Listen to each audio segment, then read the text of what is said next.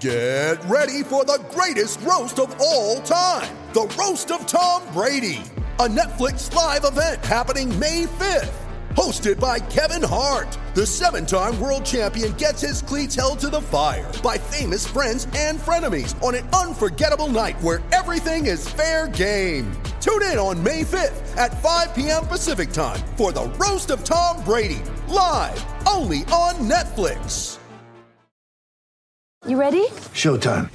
On May 3rd, summer starts with The Fall Guy. Let's do it later. Let's drink a spicy margarita. Make some bad decisions. Yes. Audiences are falling in love with the most entertaining film of the year. Fall guy. Fall Guy. Fall guy. That's what the poster said. See Ryan Gosling and Emily Blunt in the movie critics say exists to make you happy. Trying to make it out? Nope. Because I don't either. It's not what I'm into right now. What are you into? Talking. Yeah. The Fall Guy. Only in theaters May 3rd. Rated PG-13. De stroom. Ik ben Humberto Tan en welkom bij een nieuwe aflevering van Warming Up. In deze podcast warm ik in de 11 weken in aanloop naar het EK voetbal op... door terug te blikken op 11 historische EK-wedstrijden van Oranje. In elke aflevering van deze podcast duik ik met een legendarische Oranje International... in een onvergetelijk EK-duel. Elke aflevering duurt één speelhelft. 45 minuten dus. In deze aflevering gaan we terug naar 1992. Het apartheidsbeleid van Zuid-Afrika wordt afgeschaft. Disneyland Parijs opent haar deuren voor het eerst. PSV wordt kampioen van Nederland.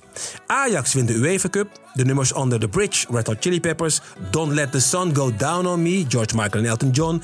En Knocking on Heaven's Door, Guns N' Roses, die staan hoog in de top 40. Oranje reist als Europees kampioen af naar het EK in Zweden. De verwachtingen zijn hoog gespannen. Rinus Michels laat het team extreem aanvallend spelen. Maar in Zweden loopt het in de soep. En daar kan ook een ervaren doelman van Oranje niks aan doen. Het gaat mis in de halve finale tegen Denemarken, dat uiteindelijk verrassend het toernooi zal winnen. In deze aflevering heb ik het over de uitschakeling van Oranje op het EK van 1992 met Hans van Breukelen. Kijk, daar komt hij hoor. Met je kopje thee. Goedemiddag. Hoe is het? Het gaat goed met jou? Goed om je te zien. Jij blijft ook maar druk, hè? Nee, maar ja, jij- ik ben een beetje net als jij, Hans. Je, bent- je bent toch aan het bewegen altijd. Ja, ik vind het leuk. om Linksom, bezig- rechtsom, ergens moet je bewegen. Leuk, eh, leuk om bezig te blijven. Toch? Dat vind ik ook. Ja, Hans, voordat we gaan beginnen over Ja. 92, wil ik Ja. eerst echt serieuze dingen met je bespreken. Oké. Wat ik heel belangrijk vind, en jij volgens mij ook, Willy van der Kuilen. Ja, dat klopt. Hij is overleden. Ja. Je hebt gesproken op zijn uitvaart. Ja. Alleen ik weet, ik weet niet precies wat de persoonlijke relaties tussen jou en Willy van der Kuilen. Nou, ik heb hem in vier... eh, vier eh, ik heb hem in vier hoedanigheden meegemaakt. Allereerst als tegenstander. Van die 311 goals heeft hij er zelf ook al van 200 mijn oren gejast. Dus dat vind ik op zich wel jammer dat ik aan dat... Zat je toen bij Utrecht? Toen zat ik bij Utrecht. Ja. Eh, daarna heb ik hem als, als, als assistent-trainer meegemaakt. Toen ik in 84 bij, bij PSV kwam. En toen was het een... ja, een- toen gaf hij mij ook keeperstrainer. Training, want in die tijd had je nog geen keeper, keeperstrainers. Hij schoot je verrot dus. Dus hij zei eh, wel eens van nou nog even om, om het echi. En dan schoot hij de twee in de kruising, zowel links als rechts. En dan zei hij eh, zes woorden. Die had de B-vel gehad. Nee, Dus oh, van serieus? Ja, serieus. En toen heb ik Willy natuurlijk eh, in, de, in 2010 tot 2016 als raad van commissarislid meegemaakt als scout. Toen in die fase is het ook heel duidelijk geworden dat wat er ook gebeurt, Willy moet bij PSV blijven. Dus miste PSV in alle opzichten. En dan heb je natuurlijk eh, de laatste fase, de laatste twee jaar, dat, ik, eh, dat hij echt ambassadeur was met de shirtjes, et cetera. En dat ik ook wel merkte dat het eh, achteruit ging. Dus ja, Nel was er altijd bij, zijn vrouw. En ik heb ook de kinderen toen ze nog, nog jonger waren. En hij had, al na zijn carrière heb ik hem meegemaakt. Maar ik heb voor mezelf afgevraagd, eh, en dat heb ik ook in het verhaal... eh, waarom is Willy nou eh, zo ongelooflijk populair bij PSV? Waarom is hij echt voor mensen... heeft hij een onuitwisbare indruk gemaakt? En dan kom je toch in, in de 70 jaren, moet je teruggaan... waarin hij eigenlijk met PSV... de hegemonie van Ajax en Feyenoord aan de kant heeft weten te schuiven. Je had natuurlijk Ajax Feyenoord waren de grote. Ja. PSV had tot dat moment vier landstitels eh, behaald. En in 75, 76 en 78 haalden ze drie landstitels. Twee KNVB-beeks, dat begon in 74. En in 78 eh, eh, de UEFA Cup. En wat ik omschreven heb, dat is hij wordt opgeteeld met UEFA Cup. En hij heeft een shirt van Bastiaan. En op dat shirt staat de afbeelding van eh, Pasquale Paoli. En dat is een vrijheidsstrijder van Corsica. En eigenlijk, en zo heb ik hem gesymboliseerd, is hij een soort van bevrijder geweest voor het zuiden. De boertjes, de provinciaties, dat werden boeren en later een geuzennaam. PSV heeft na dat jaar, eh, eh, eh, even kijken, negen, nee, nog 17 landstitels eh, behaald. En ik hoorde van iemand dat zijn er net zoveel als Ajax vanuit, vanaf die periode. Eh, en hij heeft het zuiden volgens mij ook, en alle PSV-supporters, een gevoel gegeven van potverdomme, die Randstad, eh, dikke neus, eh, drie bier. Wij kunnen maar ook wij kunnen ook succesvol zijn. En dat heeft later geresulteerd eigenlijk eh, onder het ambitieuze driemanschap van Ruts, Van Rij en Ploegsma. Hebben ze dat uit gaan bouwen. En tot op de dag van vandaag is het natuurlijk prachtig om die strijd vanuit PSV, hè, en, en de, de kleinste stad die ooit een Europa Cup heeft gewonnen, om nog st- steeds die strijd aan te gaan met, eh, met Ajax en Feyenoord. En dat is voor mij met name in die paar jaar gebeurd. Hè. Eh, en dan ook nog even een persoonlijke noot. Dat je voor Willy, eh, die op een gegeven moment een strijd had met Kruif. Want Willy was wel zo, het was bij hem wit of zwart. Er zat niks tussen. Dan kon hij verschrikkelijk koppig zijn. Eh, en dat heeft hij toen met uh, ook gehad eh, voor de wedstrijd tegen Polen. En toen heeft hij gezegd, samen met Jan van Bever, ik kan mijn rug op. En ik, ik kap ermee. Zo eeuwig zonde. Precies, hè, want Van Beveren was de Cruijff voor mij onder de keepers. Zeker. Dat was heel duidelijk. Dat was mijn Maar dat vond iedereen. Dat was mijn favoriet in die tijd. Ja, maar het was iedereen's favoriet. ja. Alleen Cruijff niet. Maar Nou ja, heb, je, heb je het wel eens met hem over die periode gehad? Over wat Daar er toen gebeurd Daar is? wilde hij nooit over praten. Was dat uit pijn of vond hij het gewoon niet belangrijk? Nee, eh, Wil, Was eigenlijk zo... eh, die had zoiets van, nou, wat geweest is, is geweest.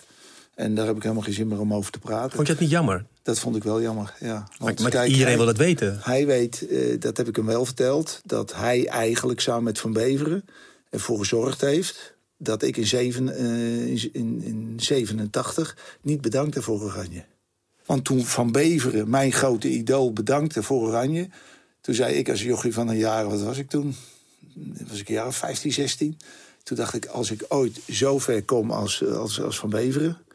En ik zou in het Nederlands elftal spelen, ga ik nooit uit mezelf lopen. En toen ik op 29 april 87 eh, gepasseerd werd door Michels in de Kuip tegen Hongarije... toen weet ik nog dat ik toen, eh, toen teruggekomen op mijn kamer mijn vrouw belde... en die zei letterlijk van, kom alsjeblieft naar huis. Want ik zat toen in een jaar, dat, leek alles tegen te zitten. En ik werd achtervolgd door eh, het verhaal dat Stanley in Oranje moest. En ehm, daar hebben we het ook wel eens samen over gehad, Stan en ik... En dan kom je wel tot de ontdekking van... Jezus, wat hebben wij een ongelooflijke overeenkomsten...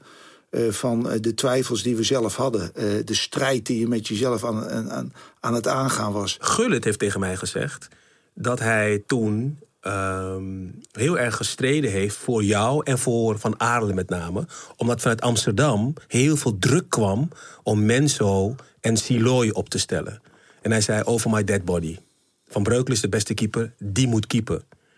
Eh, en jij zat toen echt in een, in een dip, hè, na het, het beruchte Polletjes-incident. Ja, waarin nee, je... dat was van nee? eerder, joh. Ja, was dat eerder? Het Vertel begon, me. Het, ja. be- het begon, eh, Humberto... eh, ik ben onder andere teruggekomen uit Engeland... om vaste keeper van Nederland elftal te worden... om een keer een eindronde mee te maken. ja, je zat bij Nottingham Forest toen. Precies. En nou ja, dan eh, in 82 eh, was ik ze- zelf debet, debet aan... dat we niet naar eh, eindronde gingen met een vrij, vrijtrap van Platini... die ik tegen had moeten houden. In 84, toen was ik geblesseerd, zat ik wel in Engeland. Maar toen verloor, of verloor Malta met 12-1 van Spanje... waardoor we op doelsaldo niet naar een eindronde gingen. En toen moesten we in de Kuip tegen België spelen in november eh, 85... voor een WK in Mexico. In de kou. En achteraf heb ik begrepen, was dat een van mijn beste wedstrijden ooit voor het Nederlands elftal. Heb ik nooit zo ervaren. Want ik ben daar gewoon zo ongelooflijk eh, achteraf zo verslag geweest. Ik, ik weet nog wel dat de volgende dag moest ik me op de hetgang melden. Trainingscomplex in Eindhoven. En dat ik gewoon twee afslagen verder was. Ik was er totaal niet bij. Ook dat idee van, jezus jongens, dat, dat, dat weer, weer geen eindronde. Een van mijn dromen, de, de- dat werd in feite, eh, die ging niet door. En toen kwam eh, dat jaar erop. Toen, toen heb ik een moeizaam jaar gehad. En toen kwam de druk van Cruijff. Menzo moet in Oranje, Menzo moet- die moet veel beter voetballen. Ik weet nog dat wij thuis tegen Griekenland speelden. Dat is wel een mooi verhaal. Hadden we acht Ajaxiden. Die liepen hun Ajax warming-up te maken. Van de Grijp en Gullit, de enige PSV'ers, die deden hun eigen warming-up. En Van Breukelen had gewoon zijn, eh, zijn, zijn warming-up met Joop Hielen. Bizar. En eh Wie was toen de bondscoach? Michels ook. Michels ook. En die liet dat, liet dat gewoon gebeuren. Ja, ja, ja. Waarom had hij niet een, een Nederlands elftal warming-up? Ja, dat weet ik eigenlijk niet. Eh, In die tijd had, deed gewoon ieder zijn eigen warming-up. Al, al, al dat eh, sa- samen dit, samen zus, samen zo. Eh, Eigenlijk maakt het niet uit. Hè. Je moet zorgen dat je een wedstrijd begint... en jij lekker warm bent en jij klaar bent om die Ja, maar wedstrijd het te feit dat spelen. jij dat ziet voor een wedstrijd... betekent dat het iets voor je betekent. Ja, nee, maar dat, dat, is, dat was, dat was ja, op een gegeven moment... Ik was alleen maar op dat een moment mezelf eh, Ja. eh, een warming-up aan het geven... om zo goed mogelijk eh, aan die wedstrijd te kunnen beginnen. En dat werd later... eh, werd dat zichtbaar, omdat er een journalist eh, dat had eh, gezien... en de- die had dat genoteerd. En toen dacht ik, ja, verrek. Want dat zie je dan wel gebeuren. Onbewust. Dat, dat, dat die jongens de warming-up maken... met, in, allemaal in een rijtje... en dat Gullit en Van de Grijp samen ook een warming-up ja, stonden te maken. En kijk, en, en dat was eigenlijk het verhaal. Dat je, want iedereen praat natuurlijk over dat juist het, het, het pol- dat polletje. Alsof of dat het keerpunt eh, was. En, maar dat was, dat was al opgebouwd eigenlijk vanaf eind 85. Toen had ik een heel matig jaar. Hè. Dan moet je je voorstellen, dat is ook nog wel een apart verhaal. In 86, 87, daar werd ik pas weer mee geconfronteerd met van mensen die data eh volgen. Bleek ik maar 18 tegenkalls gehad te hebben. Heel goed dus. En ik had gewoon, voor mijn gevoel, een klote aangedraaid. En, en, en met, met die, die achtervolging van... Dat, dan, dan ga je dingen doen waar je niet goed in bent. Want ik moest ook mee gaan voetballen. Want Stanley, dat was zijn kwaliteit. En Cruijff riep, ja, Ja. die mensen moeten erin... omdat hij mee eh, kan, kan, kan gaan voetballen. Dan zit je op een gegeven ogenblik in je gedachten... van zo, de knikkers, daar moet ik ook mee. Dan ga je nog meer fouten maken, krijg je nog meer kritiek. Dan krijg je dat ge- gezeik in de kuip.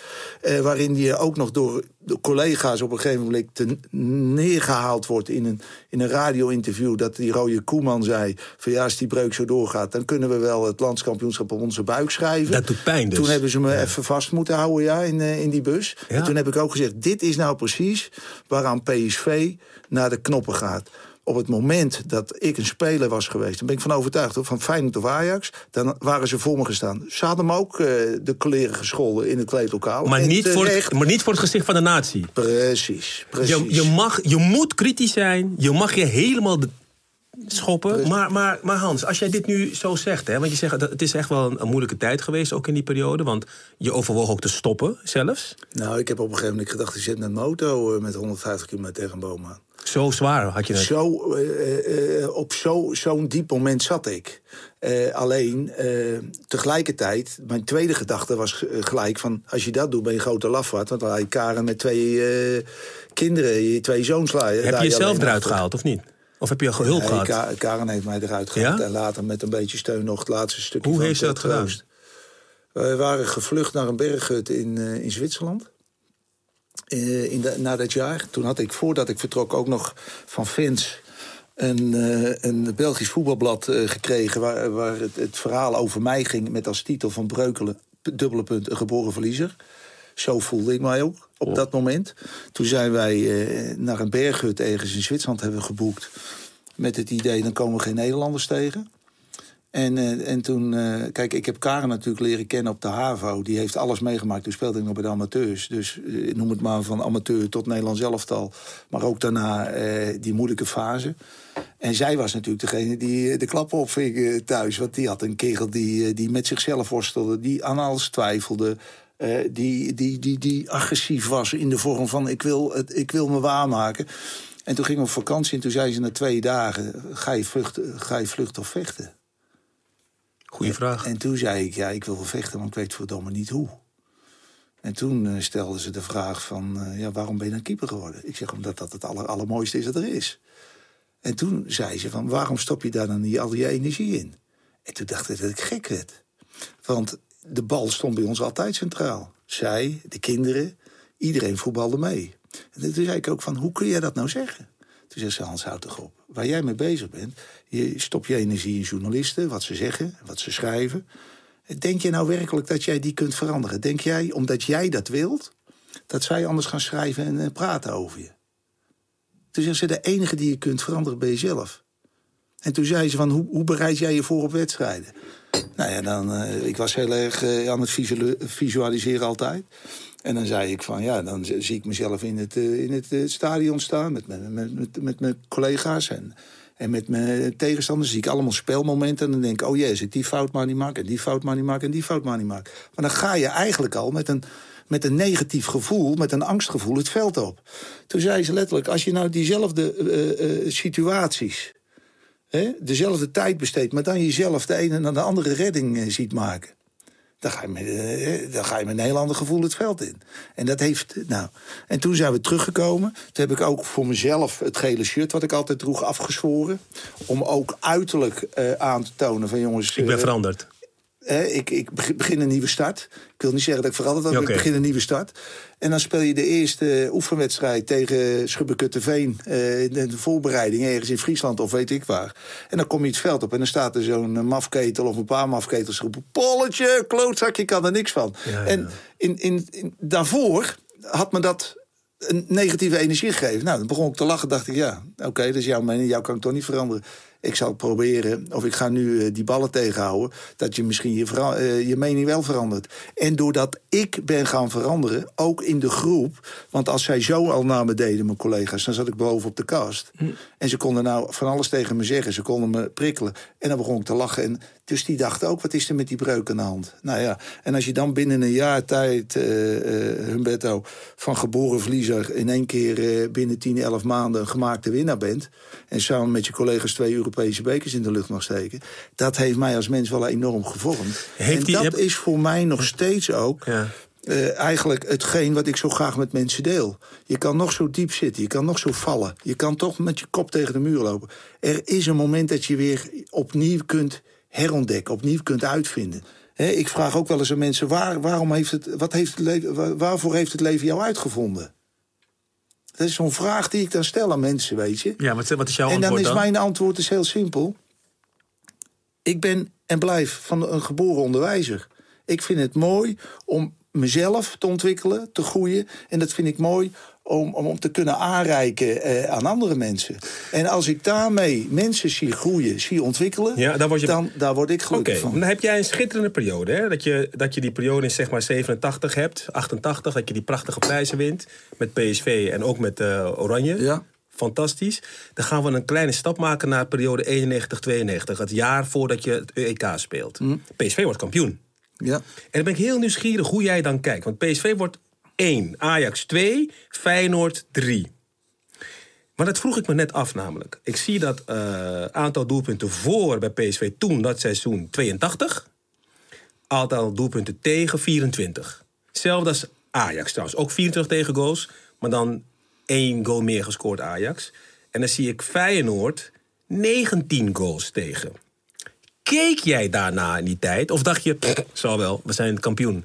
Want zoals jij nu praat, hè, heb ik het gevoel dat jij dan ook keek naar het aantal tegendoelpunten. Van, hmm, Hey, waarom heb ik niet Hey, 19 hey, tegengoals nee, maar? Ik zal jou vertellen, ik, volgens mij klopt die statistiek niet. Nee, klopt het niet, denk je? Omdat ik eh, eigenlijk eh, in al die jaren... Je gaat, wacht even, Hans van Breukelen. Je gaat mij niet vertellen dat jij de statistiek van het seizoen 91, 92 uit je hoofd nee, kent. nee, nee, nee, want, want, weet, je, jij, nee, want het punt wat je eerder maakt, Ja. klopt. Want ik was natuurlijk, ik wilde ook altijd de minst gepasseerde keeper van het betaalde voetbal zijn. Precies. Natuurlijk, dat was een, dat was een soort van... Eerzucht. Een, een soort van nevendoelstelling. Ja. En daar had ik mijn collega's voor nodig. Ik weet ooit dat, eh, dat was eh, geloof ik een van de laatste jaren van, eh van Roye Koeman.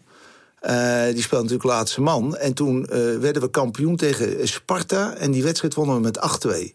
En toen hadden we s'avonds een feestje. En ik, ik had er ongelooflijk te coleren over in. Omdat we twee tegenkalts hadden gehad. En, en, eh, en Ronald die merkte dat. Dus die kwam naar me toe. Hij zei, joh, wat is er? We zijn toch kampioen? Ik zei, joh, miet erop. Ik zei, twee kalts tegen vandaag. En eh, dat, dat kan eh, de Tony van Leeuwen trofee. Hè? Dat, dat heette toen zo. Dan was je de minst gepasseerde keeper. Dan kreeg je een mooi beeldje.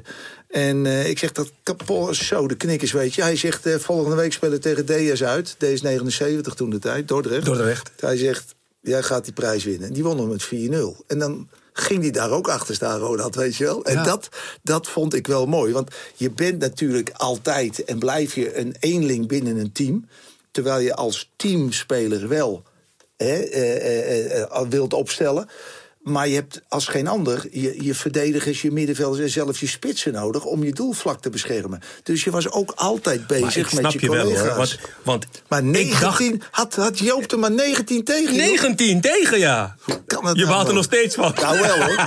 ja, maar weet je, ik verplaatste me even in jou. En ik, als ik keeper zou zijn, zou ik precies zo denken namelijk. Dan zou ik denken van, oké, oké, we zijn kampioen.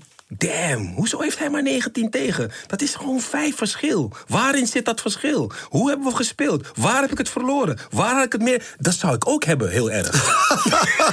Nou, daarom. Je, je, je hebt je aardig verplaatst. Ja, nee, maar daarom. Dus ik zat ja. te kijken. Maar je jij zegt net iets. Ja. En dan wil ik nog even terug naar Winnie van Kuilen. Want jij zegt net terecht... mooi trofee Tony van Leeuwen. Trofee voor beste doelman. De laatste tijd zie je hier nu... uh, omdat Willy van der Kuilen is overleden... de topscorers trofee moet Willy van der Kuilen trofee Ja, heten. Daar is correct. geen enkele twijfel Nee, over. nee, nee. Hans, hou een pleidooi. Laten de mensen die daarover gaan meeluisteren... en vertel ze waarom dit gewoon eigenlijk gewoon... niet eens een vraag is. Nou ja, om, omdat het eh, een, een, een record is. 311 Elf? 11 goals in, in meer dan 500 wedstrijden. Buiten dat eh, geeft het ook iets meer aan. Namelijk dat je 17, 18 jaar bij een club hebt gespeeld. Eh, die clubtrouw, die, die kennen we al lang niet meer.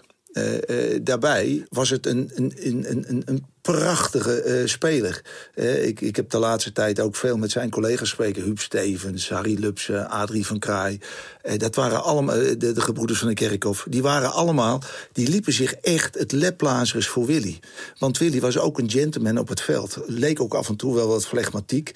Maar dat zei eh, recent nog tegen mij. Je kon eigenlijk zijn shirtje en zijn broekje, die kon je zo weer opvouwen. Want hij had geen slijding gemaakt Niets. of het was niet smerig of weet ik wat. Hij deed alles op inzicht. Hij deed alles op techniek. En hij wist gewoon. En hij had een schot in beide benen. Want ik denk dat hij de meeste goals van of net buiten de 16 of net binnen de 16 heeft eh, gemaakt. En het mooiste voorbeeld vind ik nog steeds die goal die hij in de finale tegen Bastia. eh, eh, die neemt hij links aan, die schiet hij rechts op de kruising. Die komt terug en die neemt hij rechts aan en die schiet hij links vervolgens in.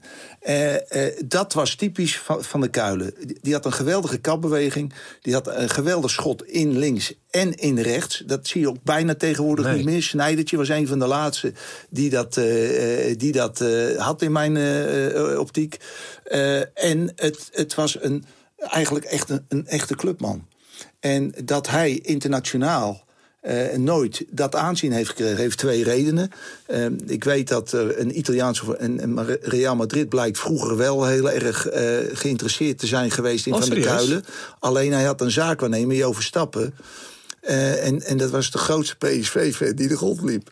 Dus die wilde gewoonweg niet dat hij bij Dat PSV... ja, niet. dat is bekend.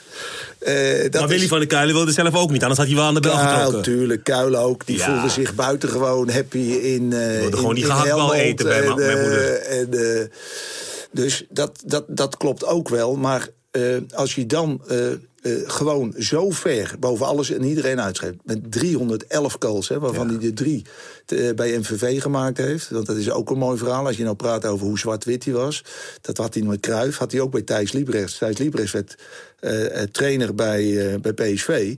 En die liet hem bijna een helft warm lopen. En vlak voor het einde hij hem invallen. Niet. Dat was ook het einde van Liebrechts. Hè? Eh, Dat heeft hij nooit zo gevoeld, want dat was zijn eerste seizoen. Volgende dag is Willy naar eh, MVV gereden en die heeft een contract getekend. En hij was niet meer te vermurwen om gewoon bij PSV eh, te blijven. Zo was die kuil ook, want hij kon ongelooflijk koppig zijn.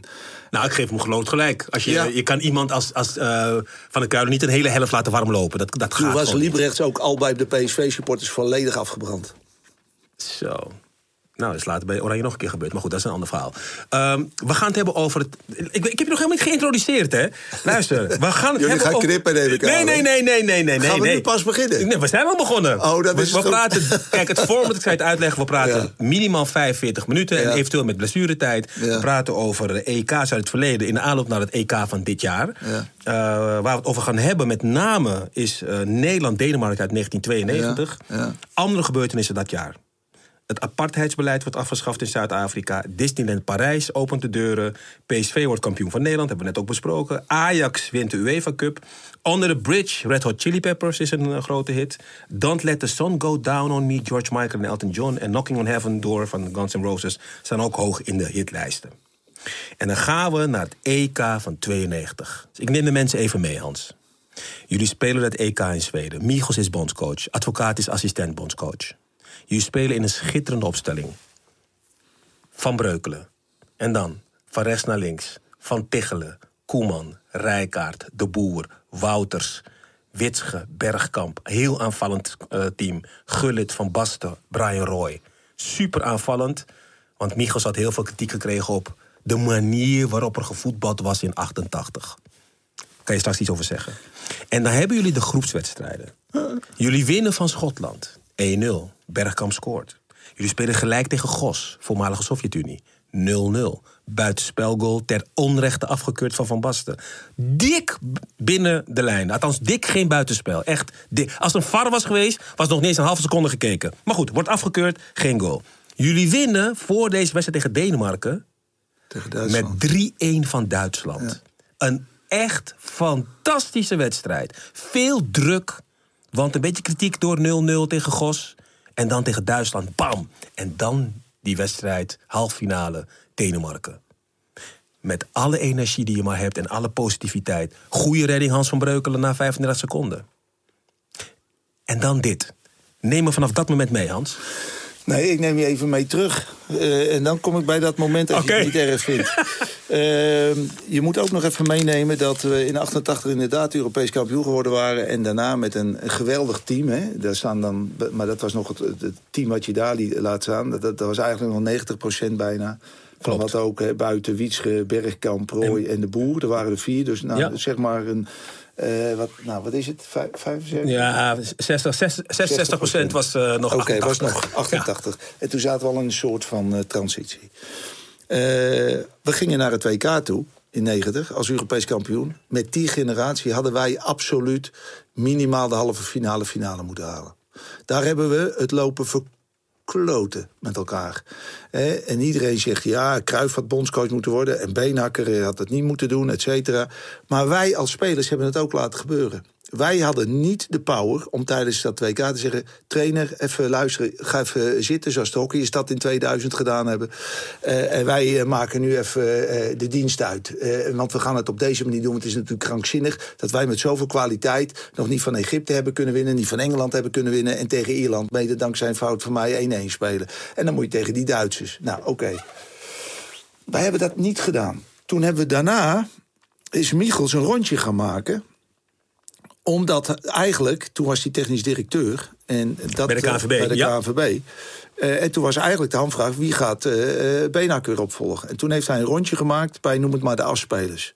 Hij heeft met Van Basten zitten eten, hij heeft met Gullit zitten eten... hij heeft met eh, Wouter zitten eten, met Ro- Ronald Koeman zitten eten... en ik zei de gek, met vrouwen erbij, gewoon met z'n vieren, hij met Wil. Vijf kernspelers. Omdat hij het idee had van, is het goed als ik terugkom? Hij was op dat moment draagvlak aan het creëren. In 88 was hij de generaal, was hij de autoritaire man.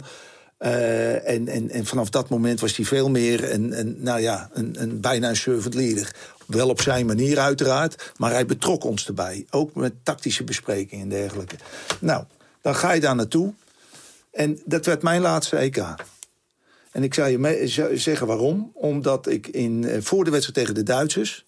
hadden wij een training, daar zijn ook nog beelden van. En toen vond ik dat er zo verschrikkelijk slecht getraind werd. Ja, dan, dan, In welk opzicht slecht getraind? Nou, geen inzet. eh, eh, makkelijk, geen tackles. Geen, Ja. geen, weet je wel, een soort van gif wat je in mijn ogen nodig hebt in een wedstrijd tegen de Duitsers. Geen, Minimaal. de Italianen zeggen geen grinta. ja, ja, dat noemen ze eh, Angela Duckworth, de een of andere psycholoog, die praat over crit. Oké. Hè? Nou, dat gif. Nou, in ieder geval, dat miste ik. Dus ik heb daar een enorme, eh, enorme aanvaring gehad eh, met een aantal spelers. En toen waren we aan het uitlopen. En toen zei Aaron Winter, die begon me eh, te dollen. En toen zei ik tegen hem, Aaron, kijk uit jongen. Want anders sla ik echt je neus naast je oor.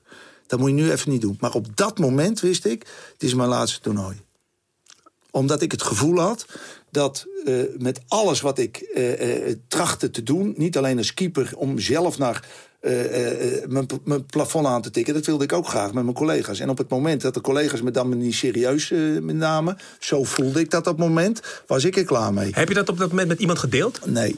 3-1 winnen we tegen die Duitsers. Heel goed. Dus dacht ik, nou Breuk, je moet voortaan gewoon je bek houden. Want moet je kijken, die jongens die staan er gewoon. Dus we, speel, we spelen tegen die Denen en ook daarvoor werd er slecht getraind. En toen dacht ik van, ik, eh, ik hou stil. Maar ik wist, dit, zijn mij, dit, dit wordt mijn ene laatste wedstrijd. Want ik had wel het idee van... Ik finale ga je halen. finale, want ik wil, eh, het wilde natuurlijk het liefst afscheid nemen... samen met mijn collega's van, met een, eh, met een Europa Cup. En even, niet de iedereen weet dat titel. meer. Even, Denemarken zou niet spelen bij het Nee. EK. Joegoslavië zou spelen, maar er gebeurde een burgeroorlog. Ja, En zij kwamen echt letterlijk terug van het strand. Camping-elftal. Ja, nou ja, zo werd dat, Zo werd dat genoemd. Maar goed, die, die konden ook zonder enige vorm van druk spelen. Alles wat ze deden, dat, eh nou, Maakte niet uit. bijna in goud. Nou, dan spelen wij tegen, eh, tegen die Denen. Ik weet niet of je dat nog weet. Jij had binnen 35 seconden in die wedstrijd tegen Denemarken... had jij een waanzinnige redding. Weet je dat nog? weet je niet meer, weet hè? ik niet meer. Nee, dat weet je ik niet weet meer. alleen die eerste goal, die, daar had ik eh, over moeten pakken om hem door te tikken. Maar ik dacht, nou, er kan niemand meer bij. Dat was, vond ik een fout, die 1-0. Luister, ik, ik kom straks bij de 1-0. Maar na 35 seconden komt Brian Laudroep op je af. Oké. Een foute pa. Komt Brian Laudroep en die bal die pak je. Bam! Hmm. Oké, en dat is wel waar. Dan de 1-0. Luister even mee. Slecht gedaan van de boer. Laudroep. Van Breukelen zit fout. Hij gaat erin. Het is Larsen. Het is 1-0 voor Denemarken. Na 5 minuten en 15 seconden. Juist rood en wit in dit stadion. Energie. De voorzet was van Laudroep. Na het balverlies van de boer. Van Breukelen zat fout bij de eerste paal. En hij scoort zijn tweede goal in dit toernooi. Hendrik Larsen. Ja, ik moet de mensen een beetje meenemen. Correct, eh, correcte constatering van Frank. Frank Snoeks, dankjewel NOS. wat ik van die Denen heb begrepen later... dat wij blijkbaar arrogant overkwamen. Nou, dat, daar kan ik mijzelf helemaal niets van herinneren. Want het was een halve finale. Hoe kun je dan denigerend of arrogant overkomen naar een stel Denen... waarvan je er ook nog een, een boel kent? Want eh, de jongens van de eredivisie die dit gespeeld had... eh, eh, je kende natuurlijk Lerby, Arnezen, al die jongens, Heinze. eh, ja, nou goed. En die hadden wel een bepaalde speelstijl. Met, met name heel aanvallende backs. Met name die Hendrik... Larsen. Was dat Hendrik Larsen heet hij. de linksback, die toen Die zo scoorde. verschrikkelijk eh, zwaar geblesseerd Oeh, geraakt die, is ook. oeh, dat zag er erg... Als je dat op YouTube terugkijkt, je ziet die knie echt... Er zit een, zit een bot zit er doorheen Ja, dat klopt. Nou, en, en, en die kwam constant op. En, en, en daar, daar moest Gullit in principe achteraan. En Guus had met, eh, of eh, Guus, eh, moet je mij horen. Ruud. Ruud, die had met, met Rijkaard iets afgesproken. Nou, als hij nou komt, vak jij hem op. Maar op dat moment moest Koeman iedere keer al inschuiven. Dus we stonden veel te vroeg één tegen één. Maar Ruud kon het niet aan, want ik zag een interview met Ruud Gullit. Die zei van, ik, ik riep me- mezelf de kleren. Ik, ik, ik moest, Ja. maar, moest maar blijven lopen. Ik Ja, weet nee, het niet. maar dat had dat team op dat moment wel nodig. Dus Ja. het is wel mooi dat hij dat kent. Dus wij kwamen veel te snel.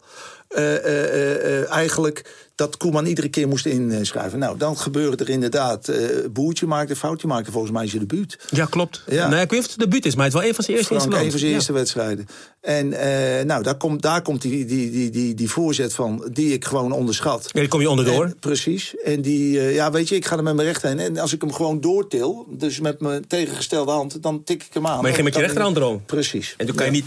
Nee, nou goed. Maar in ieder geval, dat wordt dat wordt 1-1. Eh, oh, wacht, oh, de oh nee, 1-0. 1-0. Daarna maken we 1-1. De 1-1 is dit. Witsche is ook goed. Rijkaard. Bergkamp. 1-1. Dennis Bergkamp. Ja, ja, ja. 23e minuut. En we staan gelijk. Is het een fout voor Schmeichel? Of was het een eh, lastige bal? Nou ja, nou, laten we... Een fout of een lastige bal, dat is ook wel leuk. Laten we dit wel zeggen. Dit, je praat over de 23e minuut. Hè? Ja. Dus je hebt na 35 seconden heb je al die 1 tegen 1 situatie. Jij pakt hem. Dan heb je na 5 minuten die 1-0. 23 minuten 1-1. Topwedstrijd. Half finale. Kan niet op. Maar toch in het veld voelt dat anders, denk je. denk je van, oeh... Ja, ik, ik vond dat wij eh, eh, gewoon veel minder speelden dan eh, onze eerste drie wedstrijden. En, eh, en, en, en met name ook in eh, het nakomen van afspraken. Nou, dan kom je de rust in. Nee. We krijgen eerst nog 2-1 Let op, achter, Let op, hè? let op. Ja. Je komt eerst nog Ja. 2-1 achter. Daar Kon- komt hij. kon ik die Hendrik, Hendrik Larsson. Kon ik die wel pakken dan? Luister maar. Koeman komt hem weg. En daar is het wel 2-1. Dan is het 2-1 en weer door Henrik Lassen. Ja, het is wel een aardige wedstrijd natuurlijk. Met twee aanvallende ploegen. En met een voor Nederland bijzonder vervelend scoreverloop. Hier kon je niet zoveel aan doen. Dat valt dan weer mee. Ik bedoel, je, je, je bedoel, je- ja, hij, is ook, hij is ook een tegenstander hè, die af en toe kan scoren. Nee, maar dat is zo. Maar het punt is dat je... eh, het- het- ik ben het wel met je eens. Het was een hele opgaande wedstrijd. Eh, het was- er zat heel veel spanning in. Er waren echt wel twee ploegen die wilden aanvallen. En ik kan me wel herinneren dat we de tweede helft ook heel veel kansen hebben gehad. Eh, en Roy... eh, Brian Roy had een Brian- enorme kans. Ja, dat klopt. Maar is het, was Brian of Rijkaard scoorde? De 2-2. De 2-2 was Rijkaard, vijf minuten voor tijd. En luister even naar de opluchting van commentator Frank Snoeks. Verlengt Gullit. Ja! Ja! Ja! Kwart Rijkaard! Ja! Zo heb ik hem nog nooit gehoord, Frank. Nederland leeft op. Gullit doet het beste wat hij deze wedstrijd gedaan heeft. Rastahaar die bal verlengen. En Rijkaard aarzelt niet. En Via, die is het. Ik dacht, uh, Sieverbak gaat de bal tegen het net. Het is 2-2. 2-2. Kreeg, kreeg Brian die kans nog eh, in de wedstrijd zelf of in de verlenging? In de Weet je verlenging. dat nog? Ja. Was in de verlenging, was het. Toen waren wij wel volgens mij de bovenliggende partij. Jullie hoor. waren in de verlenging, was het redelijk... Wat ik in de samenvatting zie, was het redelijk gelijkwaardig. Maar de grootste kans was voor Ja, jullie. ja, was ja, voor Nederland. ja, en met ja. name die kans van Brian Roy was Ja. echt een groot... Dat was een, een schotkans van, nou wat is het, 6 meter. Ja. Die ging naast. Ja. Verlenging, 2-2, Ja. geen goals. Penalties. Ja. Jij staat erom bekend. Ja, ik had, eh, ik had weer eh, Reken gebeld. eh, de man van... Letterlijk had je dat ook gedaan. Altijd, altijd. Die had een kaartenbak. En dat heeft mij best wel het nodig op, opgeleverd door de jaren heen. Wat wat veel, nog veel leuker was in bed op het moment dat de spelers in Nederland wisten dat ik, die, dat, dat ik het wist. Nou, dan gaat mijn telefoon. Oh, geef niet. Ah, dat heeft het Nee, niet. goed. Hoort, hoort er allemaal bij, joh. Kijk, dit is allemaal sfeer in een podcast. Neem me niet eh, kwalijk, Hans. neem me niet kwalijk. Allemaal, sfeerverhogend. Eh, Je, nee, goed. je bent bij Reker. Je hebt hem Ja. gebeld voor die Nee, die ik heb hem gebeld. En, eh, nou, dus, eh, nou, hij gaf, eh, gaf er eh, twee of drie aan. Waarvan ik wist, oké. Eh, en ik geloof ook bij Fleming Paulsen. De eerste twee eh, eh, zit ik er zo dichtbij, jongen. Ik heb, ik heb, die heb ik met mijn vingertoppen aangeraakt. Ja, je hebt, je, je hebt je zeker aangeraakt. en, en toen kwam die spits van, eh, van, van Feyenoord. Die schoot ook meestal rechts, eh, rechts van me. Elstroep. Die schoot hem recht door. Voordat je doorgaat, luister even. Want je, je hebt los van. Kijk, je had een aantal dingen. Je had gewoon je, je, je doelmankwaliteiten. Je had vervolgens had je de, de kennis, de geleende kennis van Jan Reker. Die moet je ook nog kunnen opslaan en kunnen bewerken. We hebben al in 88 gezien Ja. hoeveel dat. Dat kan gewoon een Europese titel opleveren. En ook trouwens in, eh, voor PSV, de Europa Cup 1. Maar dan heb je ook de psychologische oorlogsvoering van Hans van Breukelen bij Larsson. kennen. En Van Breukelen kennen we op deze manier. Die voert zijn eh, psychologische oorlogsvoering uit met Henrik Lassen. Kijk hem eens diep en heel gemeen aan. Lassen contra Van Breukelen. Van Breukelen had het bijna. Die wist dat toch wel in welke hoek Lassen hem zou nemen. Kijk maar, want hij is er als de kippen bij. Maar toch nog net te laat. Je zat er inderdaad aan Ik met je zou je zeggen, Humberto, hè, eh, we gingen toen op vakantie. Ik heb daar, ik denk een week lang, iedere nacht... heb ik de- dat, dat soort momenten wel tig keer voorbij zien komen. En voelde ik gewoon die bal weer op me. En, en, en, en dan dacht ik, waarom heb je hem niet gepakt? Waarom heb je hem niet gepakt? Want die jongens kenden mij vanuit de Nederlandse competitie. Die had in achter... Ik had juist tegenovergesteld gedrag moeten... Dat, dat denkt nu achteraf. Om ze in de war te brengen. Dit hadden zij verwacht. Precies, precies. En dat denk, dan, dan denk ik achteraf, hè, want dan ben je natuurlijk altijd bezig. Dan pak je, je pakt verdomme geen penalty. Terwijl, ja, je, je hebt toch wel het idee Normaal van... Ik je- moet, er, ik moet er toch minimaal één of twee tegenhouden. Kijk, Koeman was begonnen met penalties, die, had er, die, die scoorde. Daarna komt dus die Hendrik Larsen. Dat was deze die we net gehoord hebben. Dat is dan de 1-0 voor Denemarken. Vervolgens, de tweede strafschopneem van Nederland... is Marco van Basten. Topscorer van Europa. De man van AC Milan. De held van 88. Hele lange aanloop. Concentratie. En dan dit. Marco van Basten uit Utrecht. Te Milan. En ook deze maakt hij niet. Enorm frustrerend. Voor de topscorer van de Italiaanse Serie A. Hij krijgt die bal er maar niet in. Ook niet van 11 meter, nu het zo hard nodig was. Van Basten zei zelf dat hij het toernooi in 92 lekkerder voetbalde, meer balcontact had, beter voetbalde dan in 88. Ja, dat klopt wel. Hoe, hoe erg is het hè, dat je dan dat gevoel hebt? En dat is, is waarschijnlijk ook zo, maar dan gewoon ah, die frustratie dat je niet scoort. Ook niet in een penalty-serie Ja, zelfs. Ja. Ja, dat is hetzelfde als je verwacht minimaal één of twee penalties te gaan stoppen. En je pakt er geen één, eh, terwijl je er een paar keer heel, heel, heel dichtbij zit. Eh, dat is, was hetzelfde met Marco. Kijk wat hij toen in... eh, dat is natuurlijk ook zoiets. Hè? Wij gaan in 88 eh, naar de...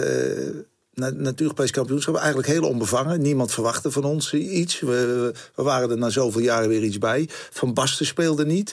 Nou, door die nederlaag, onterechte nederlaag tegen die Russen wisselt Michels twee man, eh Erwin Koeman erin en Van Basten erin... en begint in één keer te draaien.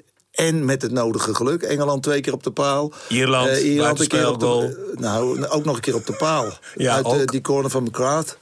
Eh, Duitsland speelde een fantastische wedstrijd. In de finale waren die Russen eigenlijk beter dan wij. Maar alles wat Bar Basje aanraakte, dat was bijna raak. Dat was natuurlijk ongelooflijk. Dus aan de ene kant komt hij daarin eh, eh, van een zware blessure. En, en verrichtte niet al die arbeid. Want ik weet nog dat hij die ongelofelijke kool in de finale maakte.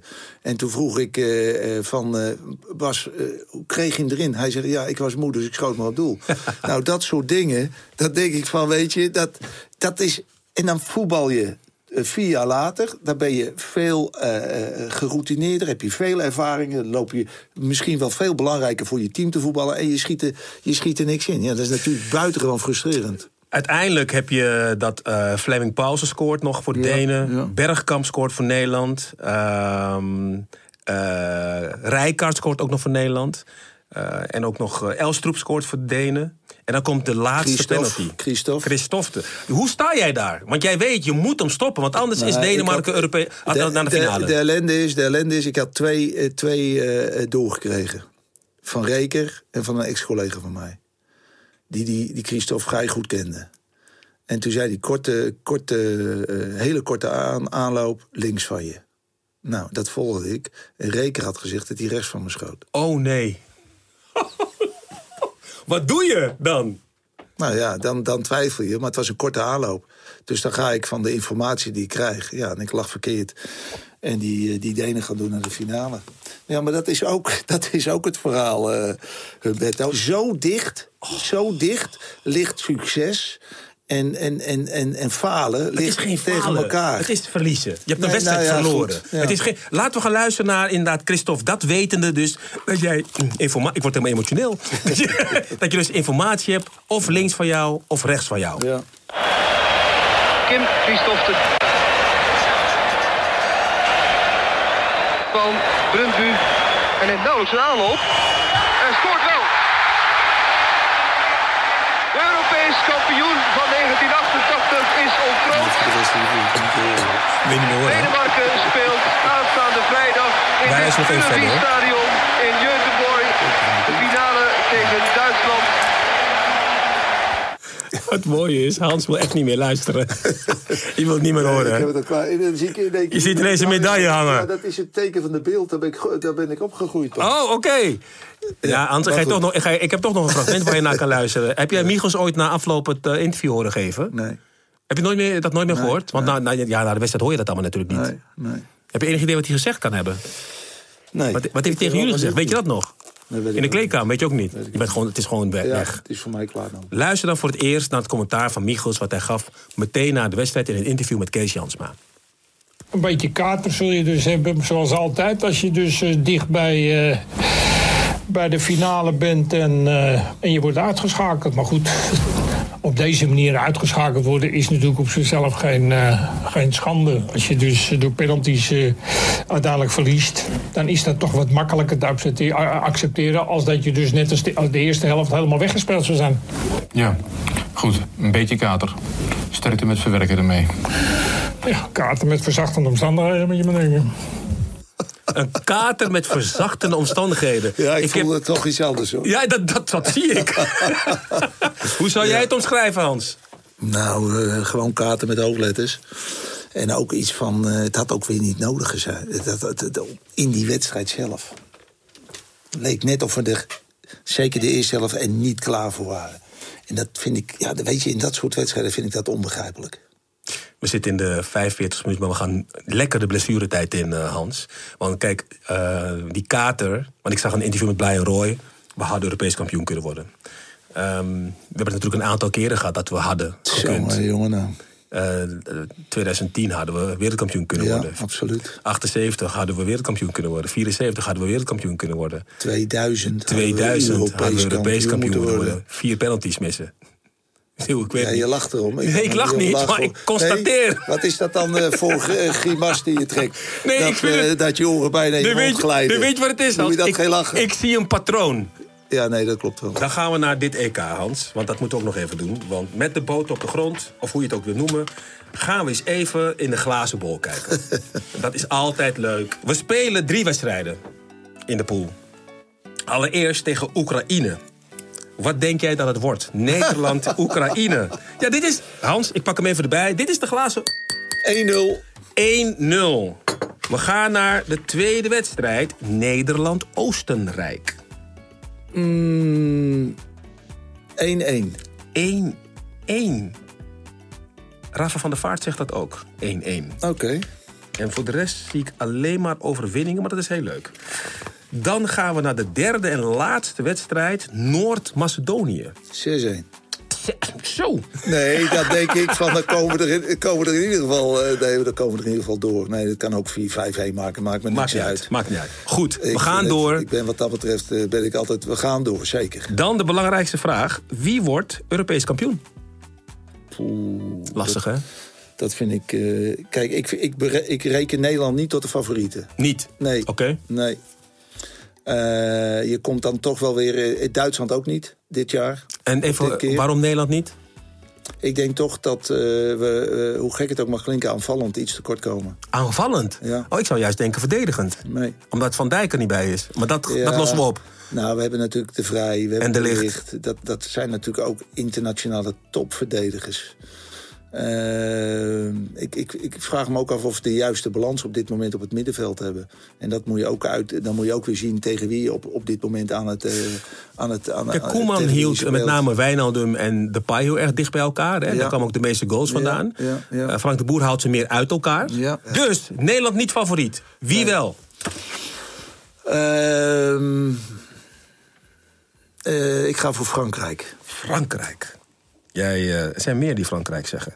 Zelfs Griezmann begint bij Barcelona te scoren. Dus dan eh, weet je dat je kan oppassen. ja, nou. Ah, de Ronald doet natuurlijk iets heel... Het is zo Fenomenaal, knap, hè? Zo knap dat hij dat doet. Hij heeft, hij heeft het geflikt bij bepaalde clubs. Southampton bijvoorbeeld, maar eh, ook bij Everton het eerste jaar. Hij heeft het bij het Nederlands elftal, eh krijgt hij Feyenoord snel. ook. Feyenoord zeker, werden ze tweede. Eh, maar ja, en nu Barcelona, ja, fenomeen gewoon. Ik hoop echt dat ze kampioen worden, joh. Dat zou zo'n ongelofelijke stunt zijn. Eh, na zo'n begin, mooi hè? Ja, maar, kijk, maar dat maar is leuk. voetbal zo kijk mooi. je, maar dat, zo kijk je natuurlijk ook als een ex-collega eh, eh, naar je. hè. De, de- ik heb met, met, met, met- ja, ik noem hem altijd de rode. Ja. Met die rode natuurlijk heel veel meegemaakt. eh, dat hij kwam en dat hij op een gegeven moment speelde in het Olympisch Stadion tegen Ajax. Toen zaten er geloof ik 12.000 mensen. En toen zei hij ook tegen mij, Hans, ja, een topwedstrijd in Nederland. 12, het, het was pokken weer, moet ik er ook bij zeggen. En, en toen wist ik eigenlijk al van, eh, ik ben benieuwd of hij volgend jaar hier nog speelt. Weet je, ook dat soort dingen spelen dan allemaal mee. Mom- momenten dat je dus samen beker wint, maar ook dat hij zegt: breuk, volgende week de nul, jongen. Komt goed. Nou, dat zijn mooie dingen. Dat zijn echt mooie dingen. Hans van Breukelen, het was mooi om met je te praten. En laten we hopen... Ik wil eh, eindigen zoals ik ook begonnen ben. Laten we hopen dat die eh, Willy van de Kuilenbokaal er heel snel komt. Dat, eh, Want eh, dat heeft hij meer en meer en meer dan verdiend. dat is een mooi slot. Met ook- links en met Ja, rechts. Zo is dat. Dankjewel, Hans van Breukelen. Graag gedaan. En als jullie eh, genoten hebben van deze podcast, ehm, deel het met je vrienden. Deel het met iedereen die in voetbal geïnteresseerd is. Of deel het zelfs met mensen die niet in voetbal geïnteresseerd zijn. Want ik weet zeker dat je wordt meegenomen door de verhalen die je hoort. En laten we ook met elkaar proberen om die Willy van der Kuilen bokaal er doorheen te krijgen. Dus mail en stuur berichten naar de KNVB op social media. Laat het gewoon gebeuren. Dankjewel. Ik klap ervoor voor die Ik laatste ook. woorden. We klappen voor Willy. Voor Willy, zo is dat. Ik ga gauw naar... Ja, man. Daar zit hier. Zeg maar dat aan mij ligt. Je luistert naar de podcast Warming Up over het EK van toen, maar zeker ook over het EK van nu. De muziek is het eh, nummer Suave van Broederliefde en de clipjes met commentaar komen van de NOS. Dank NOS. En de podcast wordt geproduceerd door De Stroom. En vond je het interessant, boeiend en inspirerend of een combinatie van die drie?